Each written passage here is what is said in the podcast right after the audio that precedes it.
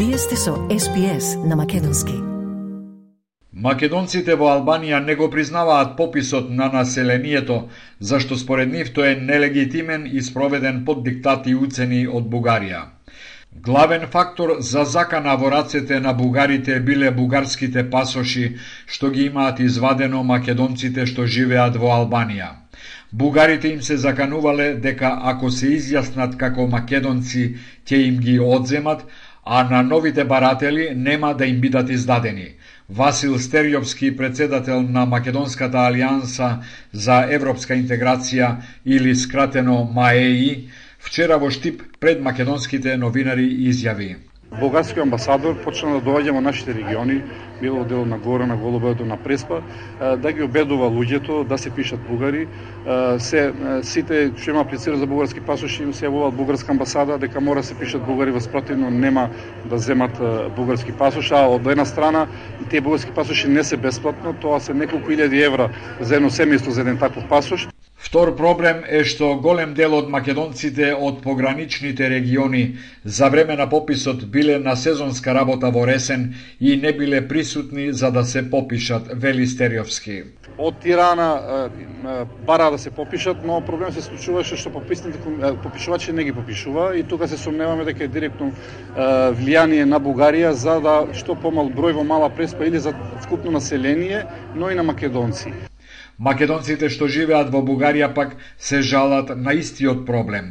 Кирил Иванов од Омо Илинден исто така во Штип за македонските новинари изјави. Ние сме како роби на бугарите без права на нашата основна духовна православна и јазична слобода.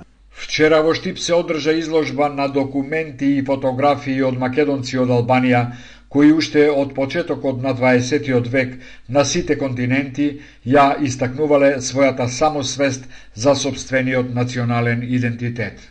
Аналитичарите и политичарите уште го анализираат извештајот на Европската комисија за напредокот на Македонија за оваа година, што и беше врачен на нашата власт минатата недела, во кој главна забелешка е тоа дека нема напредок во судските реформи и во борбата против корупцијата. Лидерот на ВМРО ДПМН е Христијан Мицкоски за подкастот Република документот го нарече извештај за уназадување, а не за напредок на Македонија.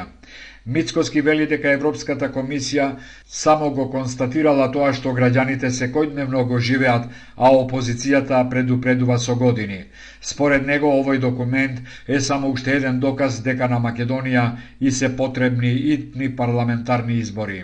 Корупцијата и криминалот се во порасти и цвета. Зборувам и оној вистински криминал, и оној политичкиот криминал. И нема како тоа да не биде а, отсликано во еден ваков извештај за уназадување на, на Македонија, не за напредокот.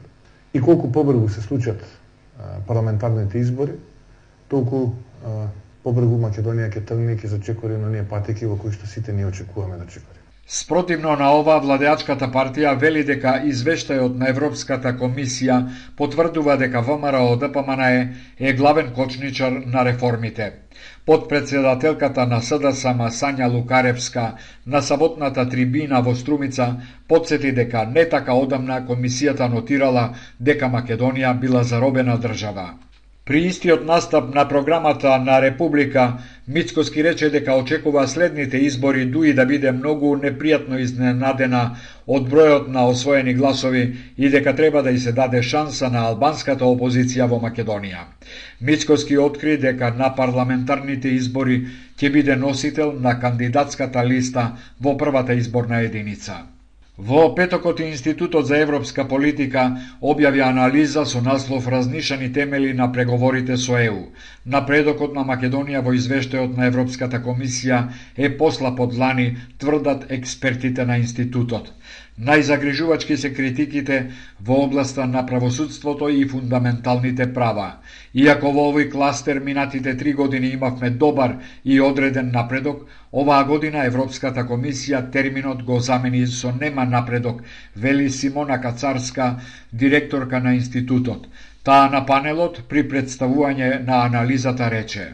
Едната компонента е усвојувањето на закони, дел од препораките се однесуваат на усвојување на закони, и тука веројатно, неверојатно, туку а, борбата е во парламентот. Меѓутоа, има многу а, други препораки на Европската комисија во контекст на јакнењето на институциите, обезбедување на доволни ресурси. Ние споменавме некои кои што не зависат од политичката од политичката борба во парламентот. Во извештајот се вели дека Македонија има добар напредок во три поглавја, а тоа се статистиката поради спроведениот попис, потоа во слободното движење на капиталот поради усвојувањето на новиот закон за борба против перењето пари и во надворешните односи. Според Институтот за европска политика, во овој момент Клучен е напредокот во поглавјата што влијаат директно на стекнување придобивки од планот за раст што го објави ЕУ за земјите од Западниот Балкан. Според овој план на Македонија и стои на располагање една милиарда евра дел грантови, дел поволни кредити и интеграција во единствениот европски пазар.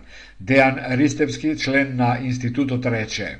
Овие средства треба директно да подржат реформи, како во областа на фундаменталс, кои што се секако необходни да се подобри бизнис климата, да се овозможи подобра а, пазарна а, економија, а, така и за структурни реформи, за кои што ќе треба подготвуваме, како што е наведено во предлог регулативата, посебна реформска а, програма, Годинешниот извештај на Европската комисија доби наслов Разнишани темели во однос на подготвеноста за членство споредено со земјите од Западниот Балкан.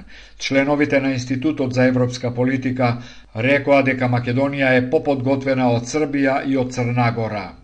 Ендемичните видови во Охридското езеро, пастрмката и белвицата се крајно загрозени, алармираат екологистите. Тие се плашат дека може да дојде до нивно исчезнување и алармираат на поголема контрола на водата на езерото. Ѓоко Зоровски предлага по примерот на некои европски земји поставување термални камери на потегот од Пештани до Светинаум и во струшкиот дел од Радожда до Калишта, но и во албанскиот дел на езерото, кои особено во ноќните часови ќе регистрираат се што се случува во езерото и полесно би било откривањето на рибократците. Зоровски за охридските дописници на националните медиуми рече. На тој начин сметам дека ќе се зајакне контролата, меѓутоа и ќе се откријат поголем број на криволовци, така што сметам дека на еден начин ќе биде таа контрола многу повеќе зајакната и ќе се намали доста криволовот бидејќи тотално да се искорени тоа е многу тешко. Хидробиолошкиот завод препорачува построга примена на законите, поголема координација на надлежните и поголеми казни за решавање на овој проблем. Душица Боева од Охридскиот хидробиолошки завод на пресконференција рече. Пастрмката и белвицата се а, комерцијално најатрактивни, бидејќи и нивната цена е а, повисока, а и по традиција се знае локално што е она што го сака побарувачката на, на пазарот е таа што диктира што се лови. Охридската пастрмка и белвицата се најатрактивни за рибократците, бидејќи се едни од најбараните на пазарот и во рестораните, а цената е доста висока. Стиснете, ми се допаѓа, споделете, коментирајте. Следете ја SPS на Македонски на Facebook.